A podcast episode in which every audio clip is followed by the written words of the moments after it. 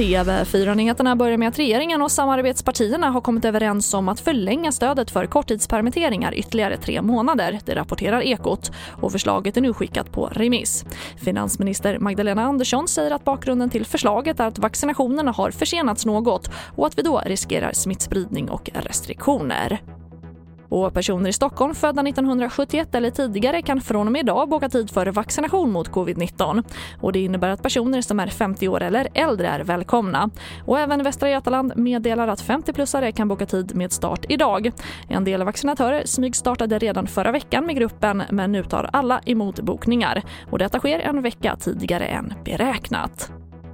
Och narkotikasmugglingen i Sverige är mer omfattande än vad man tidigare trott. Det har kommit fram efter att polisen gått igenom den krypterade kommunikationsplattformen Encrochat. Enligt polisen bedrivs smugglingen av narkotika i närmast industriell skala och främst genom vägtransporter där narkotikan göms i vanlig last. Och uppskattningsvis är det 100-150 ton narkotika per år som smugglas in. TV4-nyheterna, jag heter Charlotte Hemgren.